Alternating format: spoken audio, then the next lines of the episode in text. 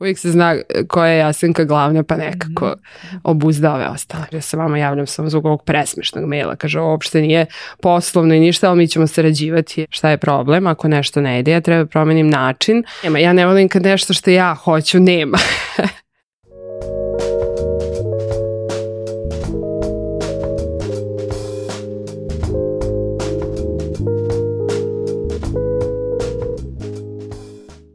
Upozorenje. Razgovor koji sledi može snažno uticati na vas da preispitate se imate li svoj poziv. Čućete fusnota priču profesorki istorije koja nakon što je upoznala dečaka sa poteškoćama u razvoju i njegovu porodicu, odlučila da se vrati svojoj prvoj i do tada neostvarenoj ljubavi, medicini. Jasenka Lazić je jedina terapeutkinja hranjenja u Srbiji, iako ima više od 10 godina opipljivih rezultata u praksi i dalje postoje oni koji joj sude na osnovu njenog formalnog obrazovanja. Ja sam Aleksandra Petrovski, vi pratite Fusnota podcast. Samo za radoznale. Zdravo Jasenka, dobrodošla. Ko si u suštini ti? Ćao i hvala na pozivu. E, jedno vrlo teško pitanje, možda da i najteže, kada razmišljamo o sebi i opšto o svom životu, ali sa druge strane možda čak i nije bilo tako teško, jer sam shvatila razmišljajući o odgovoru da sam ja e, ceo svoj život od malena tragač i, i nekako e, sam se odmah setila i Love Huntersa, e, novosadske grupe e, gde je on tragač, traga za ljubavlju. Tu negde jesam Hunter u smislu da tragam za svojim identitetom i za svojim suštinom, za onim zašta, zašta sam ja na ovom svetu. Sad to može da zvuči kako god i duhovno i neduhovno i metafizički, ali sam uh, puno puta razmišljala o tome da uh, smo mi, uh, da mi ispunjavamo samim svojim rođenjem nečiji smisao, smisao nekog drugog, najčešće svojih roditelja i svoje socijalne sredine i da nekako tim rođenjem nemamo naravno ni jednu ulogu i ni nikakav još uvek smisao, pa čak ni identitet. Imamo ono što neko drugi zamišlja, kako, kako ćemo mi izgledati, kakvi ćemo biti, čime ćemo se baviti, do detalja roditelji to mogu da zamišljaju, da imaju te neke prediktore ko ćemo mi biti. Ali onda sam u raznim uh, filozofskim spisima čitala puno o tome zato što me zanimalo kako se dolazi do tog identiteta, kako ti to gradiš, na koji način, da li je to samo ono što radiš, da li je to ono što govoriš, da li je to ono e, tvoja sredina, šta se čini taj jedan tvoj identitet i da li on može, da li je on podložan promenama kao sve ostale osobine koje imamo. Uh, uh, I onda sam došla do, do, do nekih reči nekoga, više se ne sjećam da je identitet u stvari nepoželjna pojava uh, za, sa jedne strane, a sa, zato što je to nešto što je retroaktivno um, se daje našem značenju, našem biološkom značenju. Znači, odnosno, to je neko značenje koje mi stičemo u svom životu i ono se retroaktivno lepi na naše postojanje. Sa druge strane, identitet je naša šansa. To je nešto, to je ta suštinska uh, naše svojstvo da mi izgradimo svoj identitet te ja tako, eto, uh, uh, zaista kol, od, od kad znam za sebe, od nedavno, od kad sam odrasla osoba, mogu i to da formulišem, ali čini mi se da sve one misli u nekom kasnijem detinstvu su bile upravo to da ja tragam um, da, koji je moj identitet, da li je on podložan promenama i da li taj uh, identitet um, čini zaista mene. Ako ne, šta to čini mene. Znači, tragam za tim nekim odgovorima do kojih još nisam došla u, u, u današnje vreme, mi je to još teži zadatak negde, zato što uh, je tehnologija i, i uh, tehnološka komunikacija, odnosno ta komunikacijona tehnologija nekako to još više zarobila, onako suzila je uh, izbor tih odgovora za kojima ja tragam, jer svi, svi odnosi, sva komunikacija većinski se svela na taj neki virtuelni društveni identitet i na neke narative koje mi, mi lepimo nekim drugim osobama, nekim drugim pričama i oni nama takođe. Tako da cijela ta istina je sada, čini mi se još i teža nego ranije da se otkrije o samom sebi, ali možda nije baš ni, ni tako teška.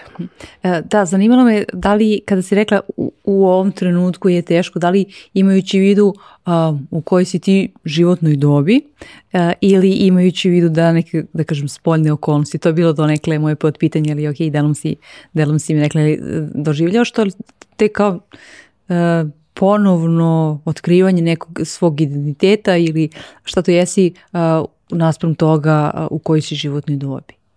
Da, Jer naravno. ti tako? Hm? Da, naravno.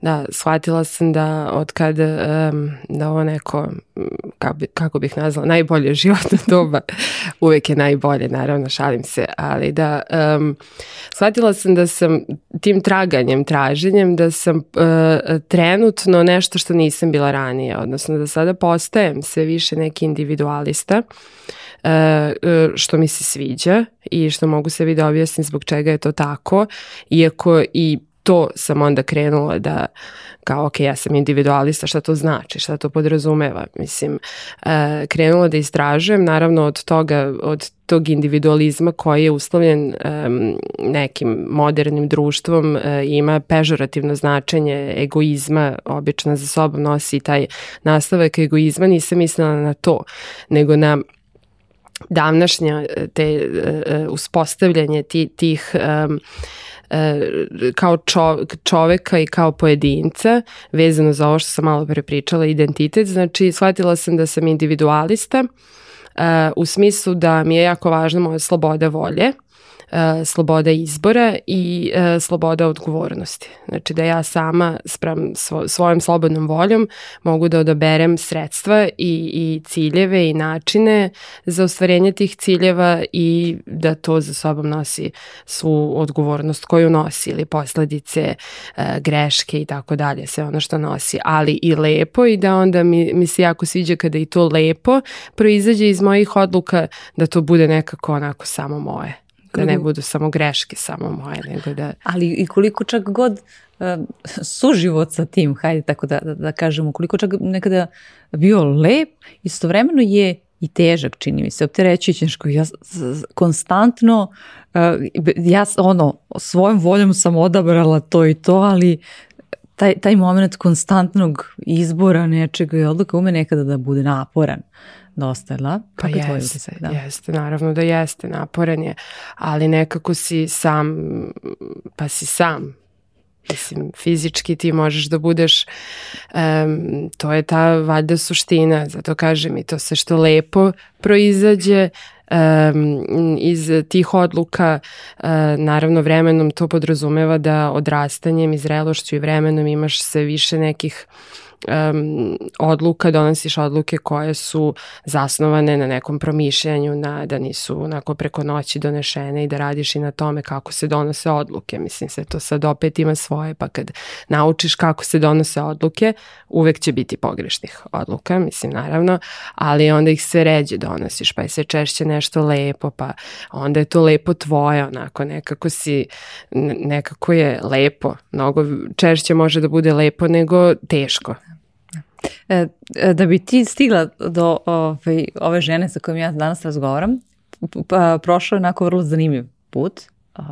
Neć, nećemo ga sad karakterisati e, ovaj, kakav je drugačiji bio, ali interesantan. Vrlo i na konto tih donošenja odluka e, ti si u, u, onom, u onom periodu kada svi nekako treba da donesemo jednu važnu životnu odluku koju ćemo fakultet uh, upisati, uh, umesto medicine koja je bila tvoja velika ljubav, odlučila da upišeš istoriju. Uh, I sada me zanima nekako, bez obzira što ti jesi bila vrlo uspešna ovaj, uh, u tome, zanima me sad taj, taj, taj moment, ok, možeš da, da ispričaš zašto je medicina ostala po strani, eh, ali i toga da ti kaš ok, ovo će biti, da, da se pomiriš sa, sa tim izborom koji nije bio samo tvoj u tom trenutku. Da, pa eh, to je bio nekako uticaj okolnosti, odnosno ljudi oko mene u najbližoj okolini, odnosno porodice, da se sad ne lažemo, eh, članova porodice koji su u medicini. I e, nekih poznanika koji su takođe u mojoj socijalnoj sredini bili tada, koji su takođe bili e, u medicini i njihovo iskustvena, e, iskustven pokušaj pomoći, odnosno savjetovanja mene. A ja koja tada imam e, 17 godina i odlučujem se Sa osa, ja sam godinu dana ranije krenula u školu, sa 18 već upisala fakultet. Imam 17 godina i nekako je meni bilo logično da slušam nečije direktne Oni iskustva. Oni su pametniji, da. Naravno, pa da. I onda je to bilo, um, mislim, to su bile te klasične neke priče da je medicina teška, da je to jako teško, težak posao koje god grane medicine sa čim se ja i dan danas slažem, naravno da jeste. Da je to 10 godina života za ženu, da bi se negde došlo do specializacije, da bi jel, uopšte do, prošao te sve sisteme nivoje obrazovanja u medicini, ne bude samo osnovni nivo studija, nego ti onda imaš tu, što takođe se i dan danas slažem i to je istina. Znači ja sam dobila se neke istine da onda kada prođe tih 10 godina onda je pitanje da li možeš da se zaposliš. Ako se zaposliš onda, su, onda za ženu je to toliko stresan posao da to nosi ne znam kakve zdravstvene posledice sa sobom i ja sam tada poznavala par žena koje su nekoliko godina već radile u medicini u službi hitne pomoći koje su zaista imale stresom uzrokovane različite zdravstvene probleme i tako je bila ta teorija neka zastrašivanja straha zasnovana na činjenicama, na istini. Znači, meni nije niko rekao ne, ne smeš to da radiš, naravno. Ali eto, svi su se zdali da ja na medicinu, ja sam krenula da spremam prijemni ispit za medicinu i u, kada su oni videli da sam ja ozbiljna, onda su kao eto samo da ti predočimo neke stvari. Pored medicine, moja velika ljubav je bila istorija. Ja sam istoriju u srednjoj školi jako zavolala zahvaljujući profesoru kojeg sam imala, išla sam takmičenje iz istorije i onda sam ja rekla pa dobro, onda neću medicinu. Ja sam tada, tada u mojoj glavi tih 10 godina samo obrazovanja izgledalo zaista kao pola života. Ovaj, I tu sam pogrešila, čini mi se ja, znači odluka je na kraju bila mm. moja, ja sam odlučila, ali m, verovatno bih drugačije u ovim godinama odlučila.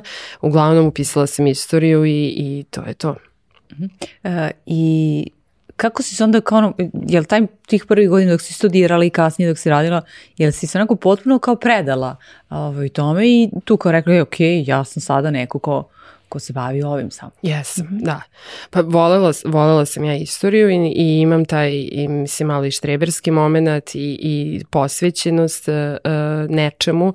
Istorija mene zanimala i onako, te kada sam ja ušla u srž, a to je bio fakultet, mnogo dublje nego što je srednja škola, mene to zaista još više počelo da interesuje. Ceo taj naučno-istraživački rad. Znači, neka istorija kao istorija sad, mislim, debate šta je istina, šta nije i tako te neke stvari, ali iščitavanje rešavanje, pronalaženje upravo tog uh, smisla društva, pojedinca, razvoj um, čoveka kao čoveka, društva, znači ceo taj istraživački rad je mene obuzeo, ja sam bila, ja sam postala zaljubljena u to i ja se sećam perioda studiranja istorije kao izuzetno produktivnog, lepog i da sam ja bila srećna i zadovoljna onim gde sam u tom momentu. Znači ja sam medicinu o, automatski nekako, to više nije deo mene, sada sam ja u istoriji i to je to.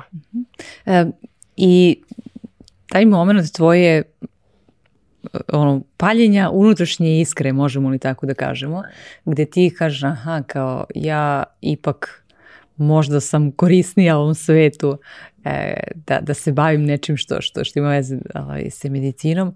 Kako se to događa? Pa upravo onim što sam rekla na početku, tim stalnim preispitivanjem, traganjem za tim... Za koliko godina, za koliko godina se to dešava? Pa ja sam za 24. Mnogo više od 18. Ali da, uh, uh, kada sam završila istoriju, zaposlila sam se kao asistent na, na fakultetu, na privatnom fakultetu i počela predajem istoriju. To je bio neki sled događaja. Nisam čekala na posao, znači sve je bilo onako kako treba da bude. I onda je krenulo to neko unutrašnje preispitivanje da to nije moja nije moj smisao, nije deo mene zaista, nije ono što zašta uh, uh, tako razmišljajući upravo ono što sam rekla na početku, sad kad meni neko retroaktivno zalepi šta sam ja do sad radila, ja sama nisam zadovoljna time, nisam zadovoljna tim da se poistovetim sa tim identitetom, sa kao ajde nešto moram da uradim, nešto moram da promenim i čačkala me ta e, čačkao me rad sa decom.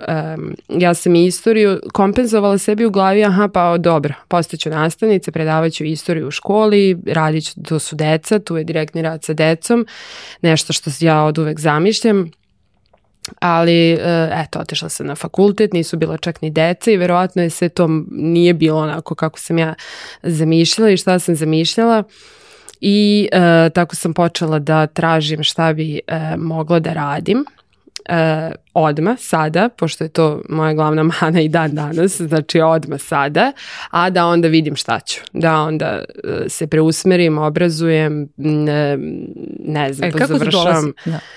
Kako ali... to dolazi? Kao taj moment, kao, ja, sad, ja sam sad nastav, profesor istorije i vratim se kući. Kao, kako, baš me zanima taj, taj trenutak. Mislim, zato što ovaj, kao, kada, kada ta odluka nekako sazreva u tebi? Pa nije, čini mi se, ni, ni, mhm. ni sazrevala. Bila je, bila je, nije bila ni preko noći, trajalo je e, e, neko vreme. E, razmišljala, razmišljajući šta bi ja sad mogla da uradim da se ne osjećam ovako. Ako je ovo sad od ovog trenutka svaki sledeći dan moj život da ja dolazim na taj fakultet i radim taj posao na taj način, mm -mm. Znači, to nekako mene ne zadovoljava, ne ispunjava. Jako me malo energije oduzima, jako malo traži od mene sve to i onda kao šta, šta sad? A naravno opcija nije ostaviti posao pa razmišljati šta sad. Ovaj, uvek, uvek je onaj mali deo, nemoj, državni posao je državni posao ili na privatnom ili kako god, ali ti potpiši taj ugovor pa onda tamo filozofire kod kuće. Tako je bilo. To je trajalo, ja sam odlazila na posao i razmišljala šta bi mogla da radim i bukvalno sam uh, se raspitivala šta postoji sada vezano za decu sa poteškoćama što bi ja mogla da radim, a da mi za to ne treba uh, formalno obrazovanje. I tako je došlo do uh, usluge ličnog pratioca u školama i ja sam 30. avgusta se obratila jednoj organizaciji u Novom Sadu uh, koja se bavila tada, spajala je roditelje i liče pratioce, znači roditelji koji traže liče pratioce, liče pratioci koji traže posao, obratila se 30. avgusta, oni mi rekli, došao tamo, dobar dan, dobar dan, da li ja mogu da radim, mogu, ok, kaže, e, baš imamo jednog dečaka, 1. septembra počinje škola, znači, kaže, imamo jednog dečaka koji, uh, koji čeka na pratioce, da li bi se sad upoznala sa njim i roditeljima, bi, bi, i tako sam ja upoznala Nikolu i ostala nekoliko godina sa njim. I tako je sve krenulo. Pritom da samo damo i taj kontekst uh, otkud tvoje, da kažem, interesovanje za, za decu e, sa, sa poteškoćama u razvoju, sa posebnim potrebama, tvoja baka je radila u školi, ili tako? Da, sam... da ja sam da. odrasla praktično uh mhm. -huh. u njihovom društvu u društvu dece sa poteškoćama. Moja uh, baka je završila likovnu akademiju i predavala je uh, likovnu umetnost u uh, osnovnoj školi Bačka Palanci, odakle sam ja u specijalnoj školi. I ja sam bivala tamo, bivala na njim časovima, druženjima sa tom decom. Nekako sam odrasla u tom kontekstu da je potpuno u redu, da je neko različit, drugačiji. Imala sam to, to iskustvo u sebi, nije mi bilo nepoznato, nije mi bilo toliko upitno. Sećam se kao devojčice da su to stvarno bili veseli trenuci, da je to nekako ostalo za mene onako vesel, veselo iskustvo, ve, veseli osjećaj. A onda kasnije, to je kada sam bila osnovna škola, a onda kasnije sam uh, išla na razne na obuke za prvu pomoć, trenera prve pomoći, međunarodnog instruktora prve pomoći, tu sam negde tu svoju medicinu kompenzovala. Um, da, kompenzovala i volontirala sam u toj istoj specijalnoj školi u Bačka Palanci godinama u radu sa decom sa poteškoćama, mešajući te dve stvari, uh, upoznavala, znači nekako je ceo moj cijelo moje odrastanje bilo prožito uh, društvom i kontaktom sa, sa decom sa poteškoćama. Da. Uh, da se vratimo na Nikolu. Nikola u tom trenutku imao 7 godina, sada ima 18, ili tako? Uh, I ti tu pokušavaš 19, da... Čak, 19, da. da. Šta ovo idete? E, kako e, tvoj dalje put i razvoj ide zajedno sa njim na neki način u tom trenutku? Da. Pa uh, on je delimičan, Nikola je zaslužen delimičan za sve zato što njegove potrebe koje on imao, koje sam ja mogla da ispunjavam kao najobičniji lični pratilac od mene se nije tražilo uh, ništa dalje i ništa više od toga, ali tu je, tu se vratio ceo taj crv u kontaktu sa njim svakodnevnom i ja sam onda krenula kako bih ja mogla sad da naučim, uh, da njemu pomognem, ali stvarno, da njemu uh, moja pomoć, ne znam, ne bude rad, da radimo domaći zadatak zajedno, nego da ja shvatim šta je to, šta to je njega što koče, šta je. I tako su krenule raz, raznorazne e, obuke, edukacije u inostranstvu, e, pa sam onda iz jedne rađala sledeću, pa sledeću, pa sam se onda zaposlila na institutu za patologiju e, govor, i fonetiku govora e, u Beogradskog ali u Novom Sadu, pa sam tamo e, stekla iskustvo, uporedo sam radila znači i sa Nikolom i tamo. Sada, ovaj, već, mislim da, da, da steknemo i taj uh, i tu sliku koliko edukator, si da, rehabilitator da, da, tako tamo je. sa njima, mm -hmm. da. I uh, onda, onda je to već uzelo onako dobrano maha.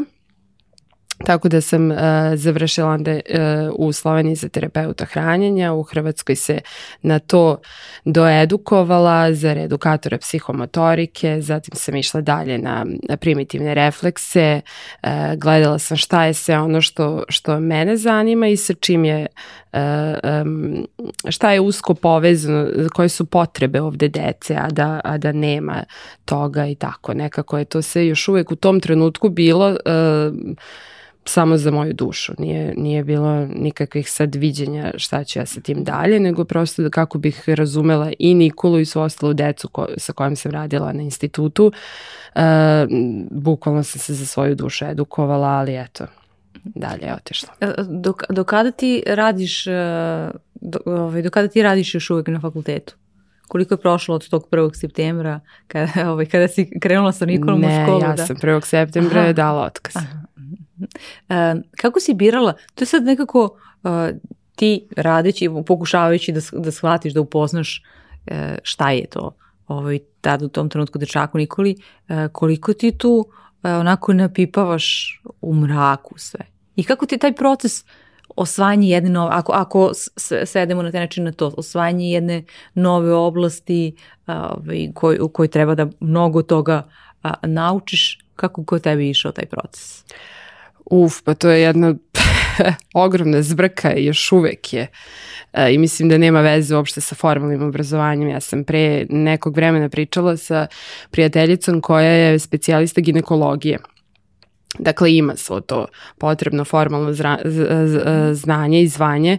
Uh, i kada sam joj rekla, rekao ja, ne, ja preko, ne mogu nikako da se otmem utisku što vreme prolazi, da ja moram da dođem, do, sve manje znam i moram da dođem, ali moj kao neki put je da ja moram dođem do te specializacije neurologije. I ona sedi tako i gleda mene i kaže, dobro, ja sam kaže, šta ti misliš? Da kaže, pa mi koristimo 10% mozga i, i poznajemo 10% mozga kad kažem mi, mislim na svet, na sve one, mm -hmm. kažem, mnogo, mnogo veće ljude i obrazovanije od tebe i mene zajedno. Ko šta će ti misliš da bi, kaže, tom, tim obrazovanjem nešto saznala još? Tako da je to kod me, bi, ja smatram da bi i, i uvek, uvek mi fali neka mhm. kockica, uvek je, posle što sam se ja preusmerila što nemam tu nekako osnovu. U nekom momentu smatram da imam i mnogo veću možda od pojedinih ljudi jer stvarno sam učila jer kao nemam e, formalno obrazovanje medicine i onda sam e, e, svaki dan učim se više, ali sa druge strane je to stvarno ogromna, ogromna zbrka uvek, mislim to je rad sa ljudima, sa, sa ljudskim bićima, sa mozgom, sa, mhm. znači ti tu, tu nema stajanja, tu nema, tu niko ne može da nauči, baš to ono što je rekla, kaže me poznamo samo 10% mozga, možda će tebi, mislim, e, nikad ne znaš šta može da se dogodi, šta, šta moraš da znaš, šta novo moraš da naučiš, naučiš, koju veštinu, ne samo iz medicine, nego da bi mogla da radiš. Tako da je to nikako da sistematizujem, da napravim neku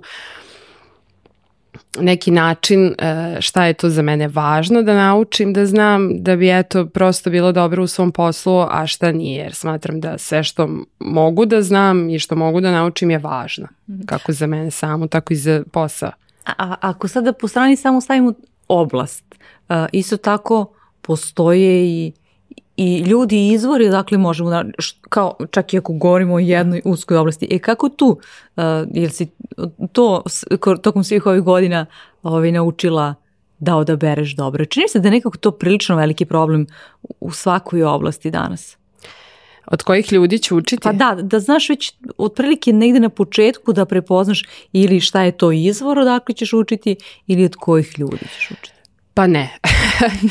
ne. Znači nema ni za mene pomoć, dobro. ne, to je nekako metoda uh, slučajnosti. Ovaj, mislim, nije od početka do kraja, ali prepoznam, mislim, prepo, prepoznaš ti negde ako kreneš u, u taj odnos, prepoznaš da li je to osoba koja zaista može da ti pruži neko dalje znanje, neku vrednost, ono koju očekuješ ili ne pa onda tu staneš ako, ako odlučiš da nije, ako vidiš da nije, ajde to nekako sa iskustvom možda već možeš, mada ja kažem ja, ja sam tu, nemam nikakvu strukturu, ja smatram da u svakom momentu od bilo koga mogu nešto da naučim. Meni se toliko puta u životu desilo neverovatno slučajno da sam ja nešto čula negde sasvim random, ono tipa jednom u sto godine prelistam neki ženski časopis pa nađem neku referencu, nešto, ne. Da. neku reč koju bi mogla dalje da istražim. Znači potpuno je, potpuno sam otvorena za, mhm. za to i tako se postavljam prema ljudima um, i koje poznajem i koje ne poznajem da, da slušam kako bih nešto, nešto naučila. Ja se sećam da ili našla dalje. Ja sam puno, moji rokovnici su tako recimo funkcionišem, imam 100.000 rokovnika i tu su sve te ref, zapisane reference, fusnotice, eto, slažem se to, da, gde, šta bi ja mogla dalje da istražujem. E, na svakom predavanju koje čujem na konferencijama, e, bar jednu novu stvar e, ćeš čuti, ne može da se kaže ovo već zna, mislim ti vidiš po temi, po priči, yeah. da ti to znaš u praksi, ali nešto ćeš novo čuti, taj čovjek dolazi iz nekog drugog miljeja ili ima neko drugo iskustvo, neku drugu praksu, neki primjer iz prakse i onda ja samo tako to sve pozapisujem i onda to vuče deset novih referenci, svaka sledeća vuče svojih deset novih i to je proces koji traje, koji nema nikad nikakav kraj, ako neko otkrije da. kako se to zaustavlja, vole bi da mi kaže, šalim se ne bi volala, pošto baš je to onako stalno, stalno bi mogla nešto da da istražujem, da čitam, tako da otvorena sam da naučim kada god. Mislim, bu, ja bukvalno, moj stav je bukvalno da u nekom random razgovoru u gradskom prevozu može da se čuje nešto i nije da, da nisam imala takvih situacija pa u telefonu upišem da ne znam pogledam to o čemu su, čemu su pričali, ono gde sam slučajno prolazu čula. Tako da uvek nešto može da se nauči, a ja neću nikad zaboraviti kada je kada sam išla kod Ra, Čekaraše Popova mm -hmm. da on napiše uh, svoju pesmu za moju knjigu i kada sam ja njemu rekla da, da je to tema je uh, gluten i kazein, kada je on rekao šta je to? A to je bilo nekih dve nedelje pre njegovu mhm. smrt i to je poslednja pesma koju je napisao, onako satima smo je pisali, on je već nije da. mogao ni da sedi. I onda sam mu ja objašnjavala šta su to gluten i kazein i kada je on rekao, kaže vidiš, Znači, pred svoju smrt od nekoga ko može ti bude unuka, možeš uvek nešto da naučiš. Kao ja ću, mhm. kaže, evo, sad sa novom informacijom da umrem. Tako da, prosto kada si takav, otvoren, da nije važno što ja njemu mogu da budem unuka i što dolazim tu tako da se, gde se ni ne znamo, on je, on je otvoren da nešto nauči. To je ona, ta, tako se nekako vodim, pa sad kad izgubim rokovnike, ne mogu da se sađem u njima, ne znam šta sam mislila time što sam zapisala, nije ni važno, idemo dalje, pa opet sledeće, sledeće. A, a, a kako uspevaš da pronađeš i, i, i vremena i energije, jer a, tvoj posao je, osim što, što zahteva od tebe, potpunu prisutnost ovaj, kada si tamo i dosta uh, energije moraš da, da posvetiš uh, kako onda, a opet kao, kao samostalni umetnik moraš i da razvijaš posao i slično, kako onda uspevaš da, da, da nađeš vreme, da ostaneš u korak sa svim, da uvek stekneš neku novo znanje i zvanje? Pa ne bih rekla baš da ostajem u korak sa svim. Mislim, nešto uvek mora da, da ovaj, trpi, ali navijanje sata u pet pomaže, bez iznimke, bez onako, to zaista pomaže. Ja sam vrlo jutarnji tip, ja od 5 do 8 svašta nešto mogu i da napišem i istražim i osmislim i I trudim se, trudim se da učim, da naučim, ali mnogo toga nisam naučila, nisam stekla veštine koje, sve koje bih volala da imam, e, znanje koje bi znala da primenim. Ja možda i mogu nešto da imam neko znanje, ali ne znam da primenim. Tako da nije, nije to baš u korak sa svima, ali mislim to je ta klasika neka koju svi kažu prioriteti, što je takođe nekad zapne, onako ume baš da zapne. Kako se ali, onda u tom trenutku? Ja, kao da ne znam ništa u životu da radim i kao da, da ne znam. Onako, to je za mene baš, ja kao odredim prioritete koji zaista jesu, ali mislim ne može to baš svaki, svaki dan u svakom trenutku da se isprati ili mi nešto potpuno odvuče pažnju, pa kaj sam još ovo da, ne znam, sad završim, pročitam, ne znam, pa ajde ovo mi je lakše, ovo je ipak moj deo, ovo mogu i večeras, mogu i ujutru i onda već sutradan onako prilično me boli glava, ne znam, baš se osjećam svaki taj, eto to na primjer nisam naučila, kako da, a imam iskustvo da to prođe i da bude u redu, ovaj, nisam još naučila kako da, ako ne ispratim svoju, svoju listu za, za taj dan ili za tu nedelju, kako sa tim da, da budem sa osmehom. Mm -hmm.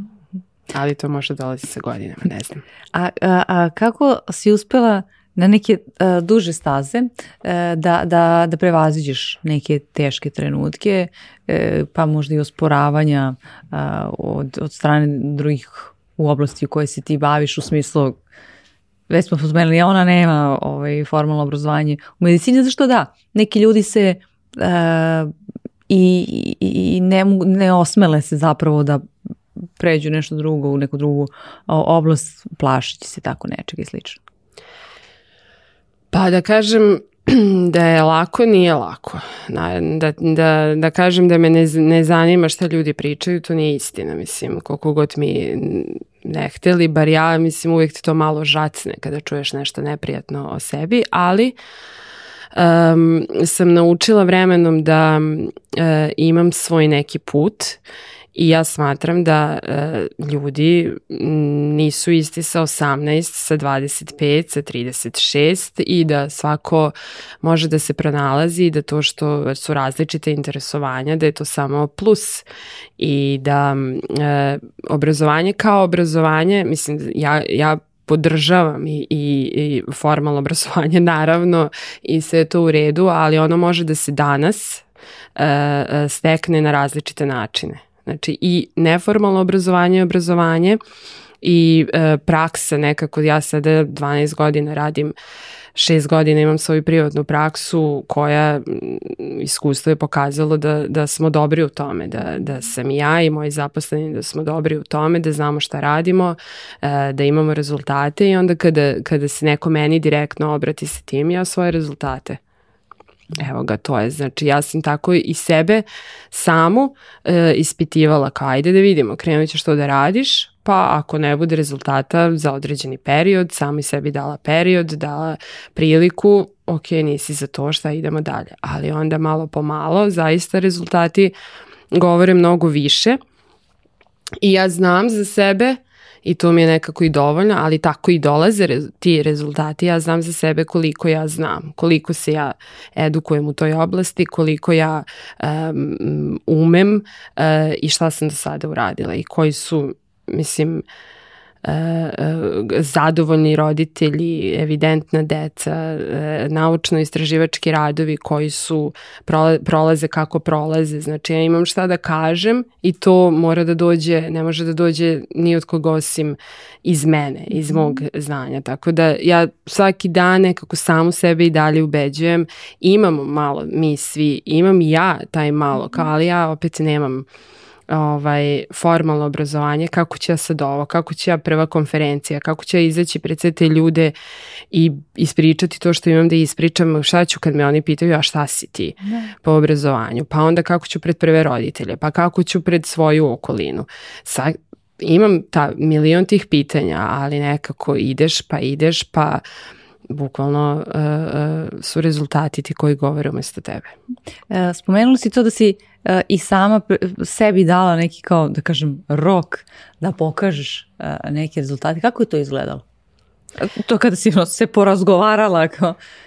To je izgledalo tako što sam ja kada sam odlučila da odem sa instituta i iz škole gde sam uporedo, uporedo radila i da, da stvorim svoju privatnu praksu, tada nisam imala ni prostor, ni kapital, ni pojma kako će to da izgleda, ni ništa, ali sam opet osetila da mogu više nego što mogu da pružim nego u toj školi, na tom institutu, da mogu mnogo više, da znam mnogo više, ali to se tamo jednostavno nije prilika, nisu uslovi da se to se na moj da. način, onako kako ja zamišljam da treba se pristupi deci, roditeljima da se radi, kao pa onda ću sama ja to, pa da pokažem kako to treba, eh, da probam. I onda je to bilo da ću ja u tadašnjem stan, stanu u kom sam bila da šest meseci radim u stanu, pored psa, pored svega ostalog što se nalazi, pri, mislim, privatnih stvari, svega u stanu, stanu, pravom stanu, da radim sa, sa decom, da kažem roditeljima koji su tu na institutu da ja idem, uh, da radim privatno u svom stanu, ko hoće sa mnom ide sa mnom, ko neće ja ću naći, naći decu. Za šest meseci ukoliko to bude imalo ikakvog smisla onda ću da, uh, ne znam, pozemim pare, nađem pare i da krenem u celu tu svoju priču, tako ću se i potvrditi. Automatski su svi roditelji koji su bili na institutu krenuli kao ok, pa nama se jedno mi idemo za terapeutom, ne za prostorom, to je bio već prvi korak kao šta ću sad, bog te, ja sam mislila da kao sad moram da spremam ceo stan, gde ću se, sa svima njima. I on, ja sam mislila kao su ću ja tu jedno dete, pa to malo nekako jednim delom sebe sam čak možda i priželjkivala da ne us... mislim, nisam priželjkivala, ali kao ne, to neću, ja sad. Ko će kod mene dolaziti u stan? I to, ne, međutim to je bilo, svi su, sva deca su krenula za mnom, uh, ja sam već posle tri meseca samoj sebi ispunila taj neki kao pa ko jesi, dobro, čim su oni odande krenuli za tom, sad su došli još i novi, u taj isti stan i onda sam dobila motiv da to bude i brže, da izađem iz tog stana i da stvarno postoji prostor i da stvarno počnem da realizujem se to onako kako zamišljam, da im što pre nekako pokažem da nije to taj pristup, mogu ja bolje, samo eto malo smo u tranziciji sa prostorom. Tako da da, sebi sam dala rok od šest meseci, ranije sam ga ispunila ranije e, sebi dokazala ono što sam stavila na papir i tako je se krenula. Znači imala si to kao sela si i e, e, zapisala ono sve da, to. A da. koji je trenutak, je to kad si se preselila u taj zvanično ovaj, prosto, svoj radni prostor, je to trenutak kada si uh, poverovala ono, e, ja mogu da napravim nešto veliko? Da, da. Da, da, da. Kako si se osjećala tada? Jo, pa to je jako lepo, ne znam šta drugo da kažem, e, zato što, ne zato što kao ja mogu da napravim nešto veliko, nego um, mogu da radim način na koji, u koji verujem, u koji mislim da je ispravan uh, od dobar dan, dobar dan prema roditelju, pa onda sve ono ostalo važnije, uh, rade sa decom, uh, znači celog tog holističkog pristupa, svega kako sam ja zamišljala da to treba da izgleda, kao ja sada imam priliku da to pokažem. I to je svaki dan, zaista i dan danas, mislim, to je jako vredno, to je jako redko, to je um, da radiš ono svaki korak u tom danu ti veruješ u taj korak, vidiš da je ispravan. Naravno da postoje sad, modifikuje se to usput, e, vidiš gde su i greške, gde su i propusti, šta bi moglo da se promeni, šta treba da se usavrši. E, ljudski faktor je tu, mislim, to je nešto što je za mene najteže, još uvek je taj tim i, i zaposleni, mislim, sve se usput uči, pa onda marketing, pa mislim, meni je to, tad u tom momentu sam se osjećala najbolje, tek je onda krenulo. to je bio medeni mesec i on je završen. To je bio medeni mesec, da, kada sam ja gledala u te zidove, okrečene baš tako kako treba da budu okrečeni um, i to mi je bilo i tako prvo to dete tu, to je bilo se super, onda je malo krenulo već ovaj, svašta nešto u vezi privatnog posla taj deo je još uvek najlepši zaista ovaj, direktni rad da. sa decom, da. A, e, a, a ti sad imaš, da, ti sad ulaziš tu u preduzetničke vode i moraš da si, odgovorna si za, za još nekoga. Da li ti imaš i to se vrlo često postavlja pitanje nevezano sebe, kao mislimo moramo da imamo neki ozbiljan kapital sa strane da se mi tu ovaj, ob, nekako obezbedimo, da napravimo neku ili sigurnosnu mrežu uh, ili šta god. Pa onda pišemo, ok, ako ovaj plan ne uspe, ovo mi je plan B i C, možda ja znam da radim još i ovo. Kako je to kod tebi izgledalo? A možda je to trebalo, tako ili da? Nikako to kod mene izgleda, ja ni, nemam, nemam plan B. Ja idem nekako onako kako mislim da idem, nemam ni velika pitala, još uvijek nam posao nije na toj nekoj na tom nekom nivou da mi sad možemo da odvajamo ne znam koliko sa strane. Sve ono što se desilo usput se desilo zato što sam ja to tako, ja sam se uh, jedan dan zamislila, imala, radila sam sa dosta dece sa poteškoćama i spektra autizma i odjednom je počela se priča naveliko kod nas u Srbiji koliko gluten i kazein uh, i uopšte rad digestivnog trakta su povezani sa centralnim nervnim sistemom i kako uh, su primećeni u nekim istraživanjima na polju da izbacivanjem glutena i kazeina iz ishrane dolazi do određenih poboljšanja um, uh, kod dece sa poremećama i spektra autizma i uh, roditelji su to čuli, ali nigde kao šta je mislim gluten, kazein, zaista to nije do pre par godina kod nas toliko spominjalo ni alergije, osim onih koji su zaista medicinski alergični na gluten, ali kao jako je to, još uvijek je to uh, većini ljudi, većini roditelja ne, nepoznato da uopšte povežu da ono što jedemo može da utiče na centralni nervni sistem. Ja sam onda otišla u knjižaru i, i kao dajte mi, pokušala sam da nađem nek, neku knjigu o tome, nešto, nisam mogla da nađem na srpskom jeziku i vratila se kući i rekla ja ću da napišem kuvar. bez, uh, kuvar koji sadrži recepte bez glutena i kazina, uh, šećera naravno, dece ne jedu šećer i da olakšam roditeljima da oni imaju na jednom mestu um, primere recepata i da se o tome priča, da se to zna, da nekako napravimo stručni uvod te knjige i tako, mislim i to je isto trajalo nekih, nemam, mislim ja ne znam kako se izdaje knjiga, kako se pravi knjiga, kako se, šta tu sad treba. I to mi je mislim. super. I kako ti početni moment kažeš, ja ću to sad da napišem kao...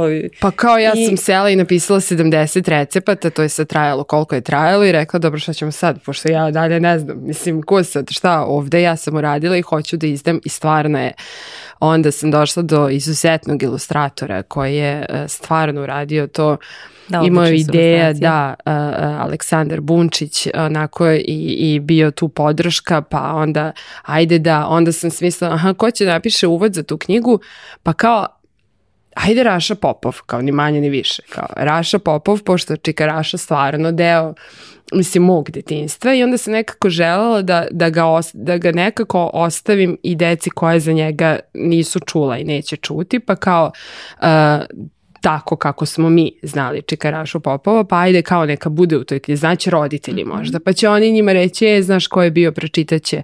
Pa sam ja tako došla do, do Čikaraše Popova koji je napisao pesmu, e, da kažem, koga, kome sam prvo objasnila šta su to gluten i kazein i on je stvarno napisao pesmu, u originalnom rukopisu stoji i tako nekako uh, je išlo jedno za drugim, jedno za drugim, e onda je došao taj deo kao dobro, sad imamo knjigu, sad treba naći sredstva. Puh, kako, to, kako se to radi? E, mislim, korak Kako po onda, korak. Onda, onda sedneš, uh, googlaš ili otvoriš telefonski imenik, koga beše znam. Kako je taj proces ide kod tebe? Ne, pa ja sam onda um, pisala um, najvećim uh, izdavačkim kućama i knjižarama koje postoje kod nas, da ja znam, mail je bukvalno bio takav, da ja znam da oni neće izdati moju knjigu, ali ne treba meni to od njih, meni treba njihov spisak kako mogu da mi kažu, daju svih saradnika, svih izdavača, manjih izdavača, izdavačkih kuća u Srbiji. To je sjajan pristup. Ne bi mi palo pamet, recimo tako nešto. Pa okej. da, mislim, Da mogu ja da izgooglam, da. pa da, oni sigurno imaju sve. Mislim, ja sad mogu da izgooglam i da nađem po kontaktima pola ili većinu, ali ne mogu da nađem sve. Mislim, tu, tu šta sam pročitala i kojih naslova i kome sam... odgovarali recimo? Jesu, tako, da, Super, da. dobro. Jesu, odgovarali su. Međutim, za taj kuvar, za tu prvu knjigu, tu je bilo nekih pregovora, ali kao što sam već rekla, ja koja sam sad i odmah, ne mogu ja da čekam se ti mene, praviš mi spisak za sledeću izdavačku godinu, sad je avgust. Znači, Ne, ne. Mislim, sledeća izdavačka godina u januaru se pravi, ne znam, finansijski plan i znam da sam dobila jedan ceo, do pola sam došla čitanja maila i nikad ga nisam ni pročitala do kraja, rekao, ne, ne mogu ja to da čekam. Na kraju sam ja taj kuvar izdala sama, ali um, knjigu koja sada izlazi o, o pričama o moje deci, deci e, sa kojom radim, knjiga priča, ona izlazi za jednu izdavačku kuću do koje sam došla zahvaljujući tom spisku koji sam sačuvala od pre e, pet godina kada je kuvar izlazio. I onda sam ga otvorila, rekla, ok, naravno, prošlo je pet godina, pola mailova mi se vratilo, to je bilo na prvo, ono, ne postoji pola više izdavačkih kuća i udruženja sa tog spiska, ali sam ja sela i poslala jedno 400 mailova, znači na sve adrese, ono, od hrišćanske zadruge do, mislim, sve što je bilo na tom spisku, I onda su krenuli odgovori, um, naravno ono, ide sa taj filmski deo Žao nam je ali, žao nam je ali, jedno sto takvih odgovora, sto mailova gde sam ja bila u fazonu, dobro, dobro, imamo još sto, imamo još 90, nije se izgubljeno, nije i zaista je došao onda e, i odgovor iz e, e, službenog glasnika koji, mislim, ni, uopšte nisu ni, ni mali, ni da. zanemarljivi, da su oduševljeni, ugovori sklopljeni, knjiga, evo, posle šest meseci do 30. juna izlazi, Tako da eto, ja sam našla Mislim, a svi su oko mene govorili I to je to bilo. Kao ja hoću da napišem inkluzivna književnost ne postoji kod nas na srpskom jeziku. Postoji tako, ne znam, neke uh, slikovnice, ali kao ajde da napravim, ja hoću da napravim knjigu koja će da bude za decu um, urednog razvoja, da nekako kroz te pričice upoznaju, ali opet to zaista deci koje postoje To su stvarni ne. Da. likovi, stvarne deca koje tu postoje i sad će da napiše šest priča o njima šestoro i sela sam i napisala isto je tako išlo korak po korak. Onda sam gledala ko će to da ilustruje, ko bi to ilustrovao. Našla sam uh, jednu mamu, divna Vesna, koja je uh, majka deteta sa poteškoćama, koja je ilustrator uh, uh, i ona ilustrovala knjigu. Prvo smo radili jednu slikovnicu sa samo jednom pričom, da ja vidim da li to uopšte ima smisla, mhm. kako će da reaguje. Pa su onda vrtići, škole su me zvali, dajte još, dajte, deca su oduševljena, napravili su uh, na konto te priče razne stvari, radionice pričali, kao bolje, su, bolje sad razumeju, neće više nikad gledati, ne znam, krenu su reakcije, aha, znači to, to ima nekog smisla i tako, eto sad izlazi i druga knjiga. Tako da ja nemam odgovor na pitanje. Kako ti dođeš ovako ispričaš svojim prijateljicama ili ko, neko te sretne posle nekoliko godina i pitate ko šta radiš? Evo sad baš pišem, radimo na slikovnici za ink, ono kao inkluzivne slikovnici ili kao baš pišem knjigu, ono bavim se inkluzivnom književnošću. Kako reaguje tako je? Pa mislim tim nekim posle 10 godina ne, ne govorim ne. to. Da, više ne govorim, to sam Prestali naučila da više da ne govorim, a ovi moji najbliži poznaju me, mislim, se, ni, ne znam, ništa njima ne bi, ovaj, ja sam, tako su i igračke nastale koje, koje sam napravila, isto kao, čekaj, nema, nema igra, igračaka na tržištu, mislim možda ima, ali do mene nije došlo. Tražila sam, u stvari mi je trebalo za jednu slepu devojčicu sa kojom radim određene igračke, baš teta, baš takve i tražila sam da kupim i na srpskom tržištu nisam mogla da nađem, samo u inostranstvu. I onda, ovaj, pa dobro napravit ću.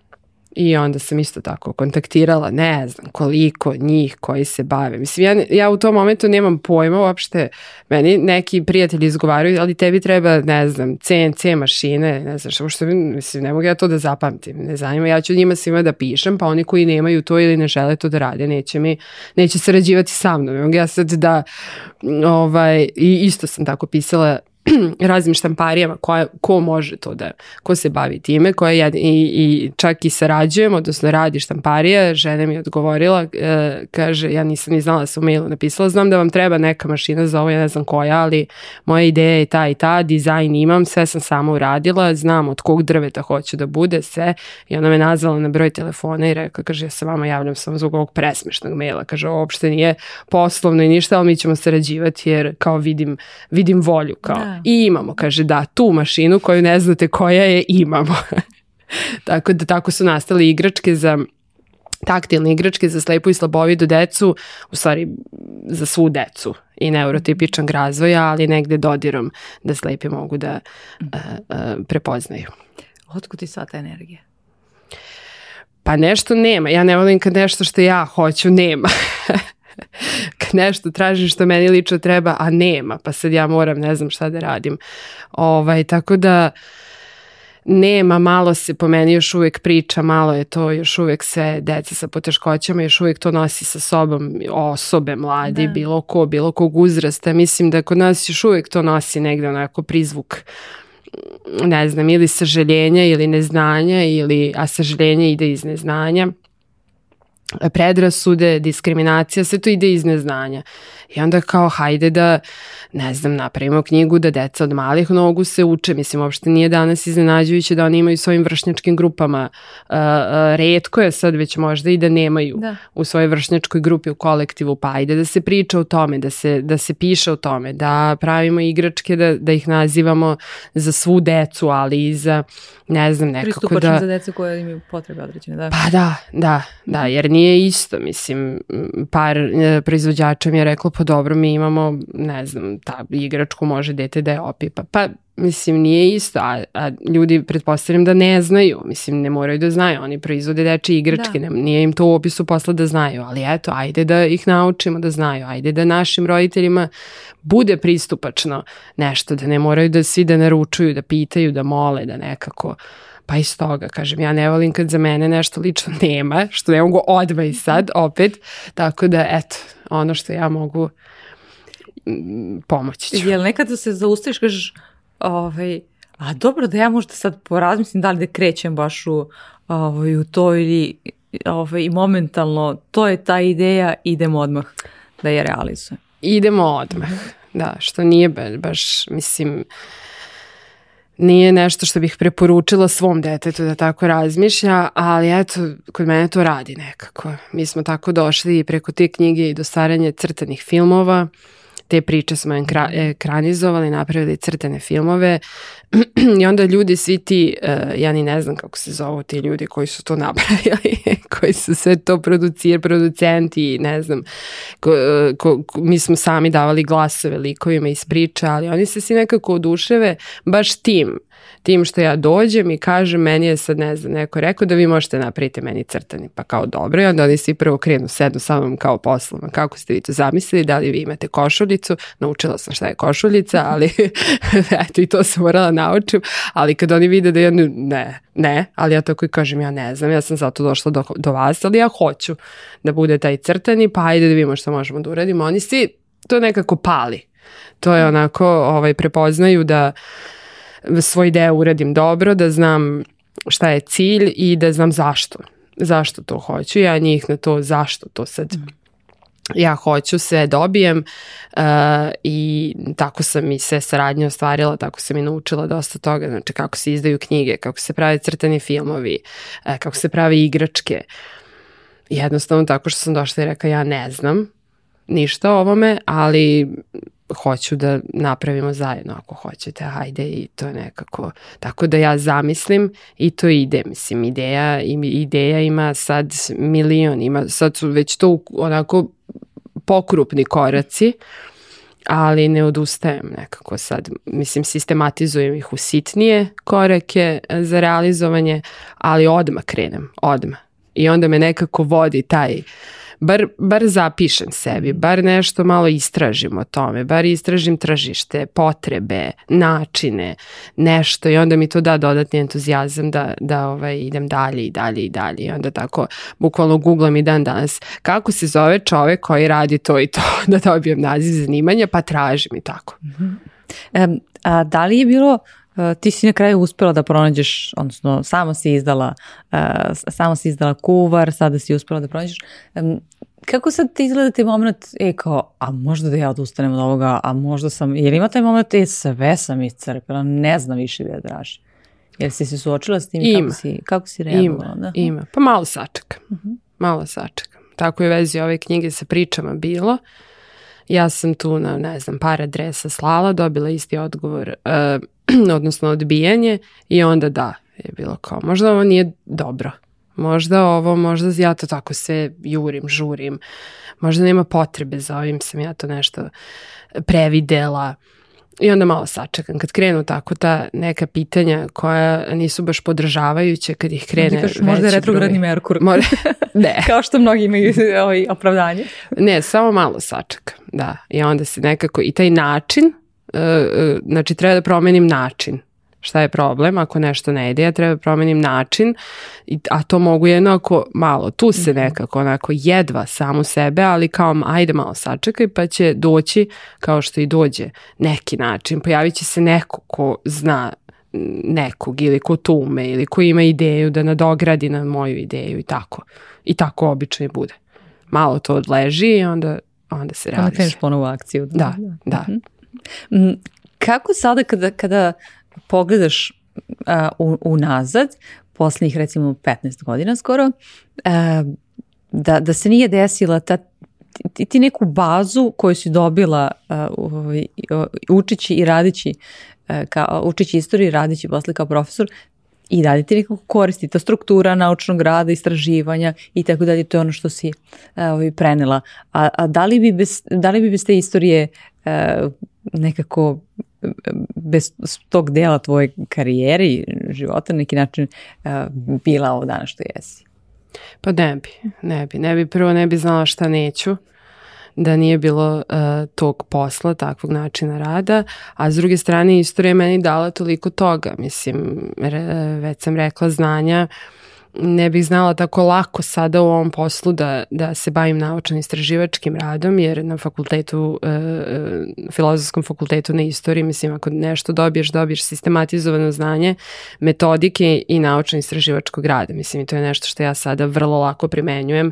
Ne stvara mi problem da napišem bilo kakav rad, da znam šta su reference, da znam kako šta da navedem i tako dalje, da proverim uh, izvor odakle nešto uzimam, jer ovde je jako bitno ako da. radite naučni rad koji prezentujete na konferencije, pričate, ne znam, o deci i deci, uh, razvoju deci, deci sa poteškoćama, ne možete tek tako dođete da lupite. Mislim, infodemija u današnje vreme je uzela toliko maha da jednim googlanjem ti, ti možda napišeš šest radova, mislim, a da tu ni jedna reč nije tačna. Tako da jako je važno znati, proveriti izvor, verodostojnost, odakle E, potiče ta, to nešto što ste pronašli. To me svemu me naučila istorija. Naučila me da um, kako da procenjujem ljude, koje su strukture društva, jedne zajednice, jedne porodice. To mi je isto važno u poslu. Znači, porodice je ta mikroorganizacija, ja radim sa porodicama. E, kad radim sa detetom, ja moram da radim sa celom porodicom.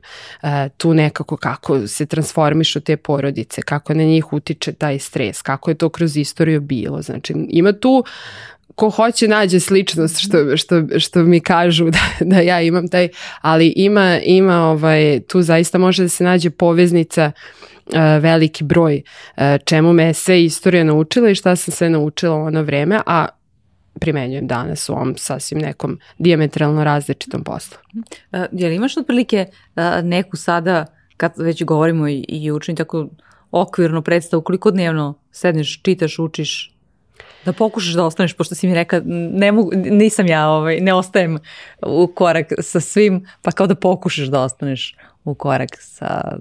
Pa eto, kažem, sigurno su ta tri sata ujutro. Mhm. -huh. To znači sigurno je negde od pet do osam ovaj, je tome posveđen. Taj deo dana je tome posvećen ako ne i nešto više u toku dana, sad manje, radnim danima manje više, svodi se na to ujutru, ovaj, kada, kada sam samo tome posvećena. I ta, tako nekako i crpim ideje, e, energiju, inspiraciju za, za taj dan, da uđem u, u taj dan. Volim to, volim to jutro sa svojim psom, kafu i, i da, da i nešto novo, jednu reč novo, šta znači ta reč. Znači nekako, nekako mi to daje vrednost osjećam se vrednom da sad dan može da počne i da ja mogu da uđem u, u koštac sa tim danom, odnosno znam da ću, da ću biti uspešna, jer punije nekako Uradila nisam... si nešto dobro za sebe, da, tako ja to doživljam. Da. Pa da, da, da, da, nekako kao, aha, sad znam i ovo, sad idem svima da im kažem ili nekako da, da to primenim ili da inkorporiram u svoj rad ili,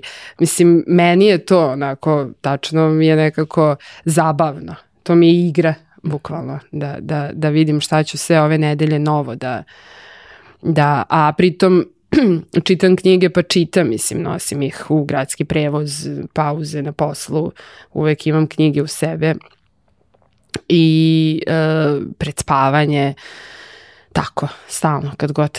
Da, a, rekli si mi da čitaš li dan danas imaš vremena za, za različitu literaturu, ono koja nije usko stručna za, za posao kojim se sada baviš. Da, mhm. da, da, da, da.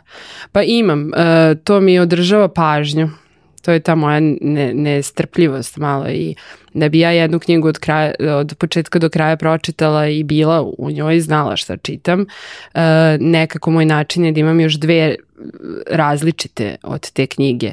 Recimo sad, ne znam, čitam neuroznanost učenja i pamćenja, mislim to je onako mora, pored nje imam um, po šumama i gorama.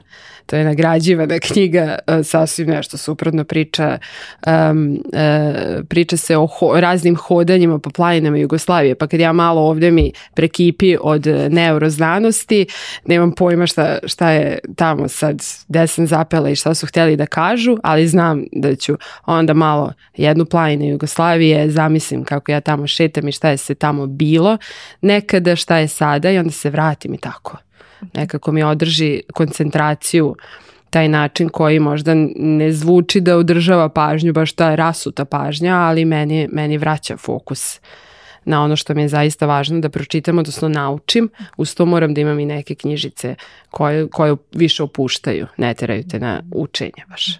Pa da, onda uh, ova druga knjiga te potpuno uvuče na neki drugi način da. ovaj, u, u, u to što je, što je tematika a, i onda kao, ha, malo kad ne ide u ovoj, zaboraviš malo pa se da, onda da, da. svežije vratiš. Pa da. Ovaj, to. A, izgleda kao da, sad iz ovog našeg razgovora, kao a, da, je, da, da si ti potpuno u centru onako i sve, sve što, što, što radi ovaj, tvoj centar.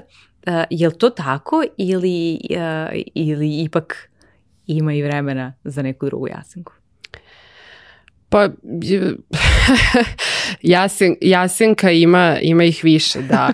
ovaj, pa sad koja je tog dana u centru, šalim se. E, pa tako je za sada, mm -hmm. tako je za sada. Zato što sticam okolnosti, eto, mislim, ovo je tek peta godina privatnog posla, kažem, tek sada, e, e, kada, ako bih ozbiljno pričala, tek sada učim, shvatam neke stvari koje nisu vezane za moju struku, nego za vođenje jednog posla, tima, svega ostalog. Pogotovo što je bilo vrlo nezgodno pandemija, sam da, početak. Da, da, da, mm -hmm. tako da ovaj, ima tu milion stvari, tako da za sad da, još uvek jesam. Jesam u centru sva, Naravno ima vremena, mislim, nađe se vreme, nađem ja vreme za sve, za putovanja, za čitanja, za druženja, za svašta nešto još, ali sve ono što radim sve to različito što radim trenutno je vezano za centar ili uopšte za tu populaciju sa kojom radim.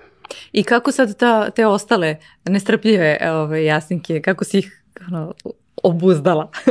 pa teško, teško, ali nekako se dogovorimo, da. Gledala sam pre nekako jedan film o, o e, poremećaju ličnosti, više struka ličnost. Mislim da sad ne shvate pogrešno, ovaj, nemam, nemam, nemam te poteškoće, ali uh, tematika je ta, ta filma bila i kada su pitali čoveka, po istinite priče je bilo, kada su ga pitali 27 različitih ličnosti on ima u sebi, kako uh, se oni svi dogovore kako ne dođe tu do neke šizofrenije, do daljeg nekog, kako se, mislim, došlo je, ali do rascepa, kako se dogovori, kaže uvijek se zna ko je glavni. Tako da i ovde uvijek se zna koja je Jasenka glavna, pa nekako mhm. obuzda ove ostale. E, si to nekako oročila uh, vremenski ili oročila u smislu koja je ovo yes. je sada ovako? Jesam, mm -hmm. uvek moram da imam taj, da, i prostorni vremenski rok da znam nekako ta orijentacija me je važna. Mm -hmm. E, kako, je li to došlo prirodno? Kako si došla do toga, do te spozne? E, ovo mi je jako bitno, ovo radi za mene.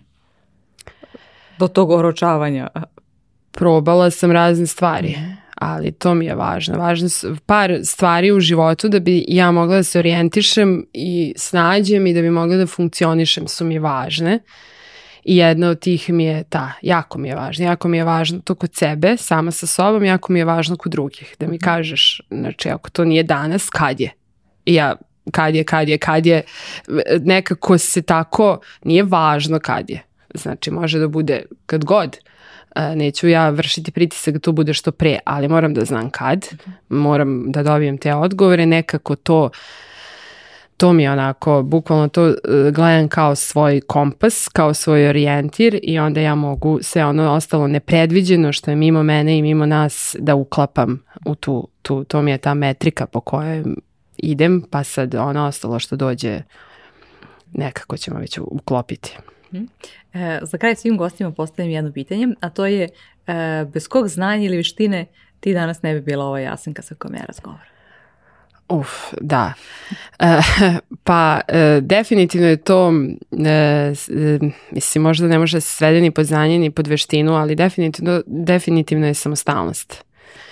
I e, pritom uopšte ne mislim na, na, na materijalnu finansijsku samostalnost, e, nego na sve one podvrste samostalnosti koje pre toga postoje i to je jako, ja sam odavno sa vrlo malo godina jednocifren broj u pitanju bila samostalna u mnogim stvarima čak i u kuvanju i a, a, nekako mi je to i to je mama kod mene podsticala i ja, to je meni jako važno u mom radu sa decom, posebno sa decom koja imaju neku poteškoću ili su već nesamostalno u nekom delu, motoričkom ili čulnom u nekom delu, da razvijem tu samostalnost i funkcionalnost. Onda ćemo lako sve ostalo. Lako ćemo naučiti šta treba da naučimo, mislim, i mislim da jedna ličnost um, jedan čovek uh, uh, kompletan, nekako ja tako gledam ljude najčešće i najviše primetila sam kroz sve te razne samostalnosti, uh,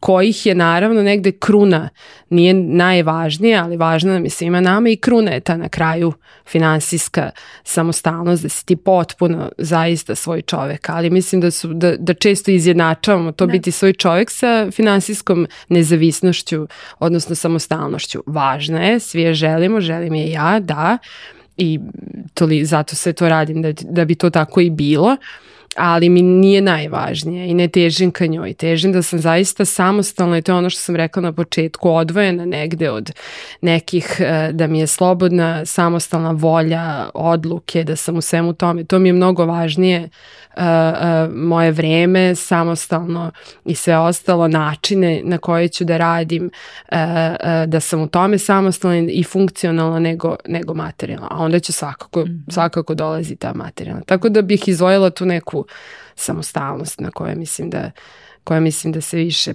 propada možda. Da. Generalno, da. Ok, uh, hvala ti na razgovoru. Uh, kao uspomenu, pošto sam ja dobila ovaj, od tebe uspomenu uh, na, na ovaj susret i ovaj razgovor, a, ja tebi zajedno sa Krojačanom školom poklanjam godinu dana pristupa platformi, tako, ovaj, tako da možeš različite nova znanja hvala, ovaj, da hvala. i u pokretu, a, a takođe a, da, da imaš ovaj, i, i to vreme još, još bolje iskorišteno kada ne stigneš a, da, da čitaš knjige. A, hvala ti i srećan put u Novi Sad. Hvala, hvala na pozivu.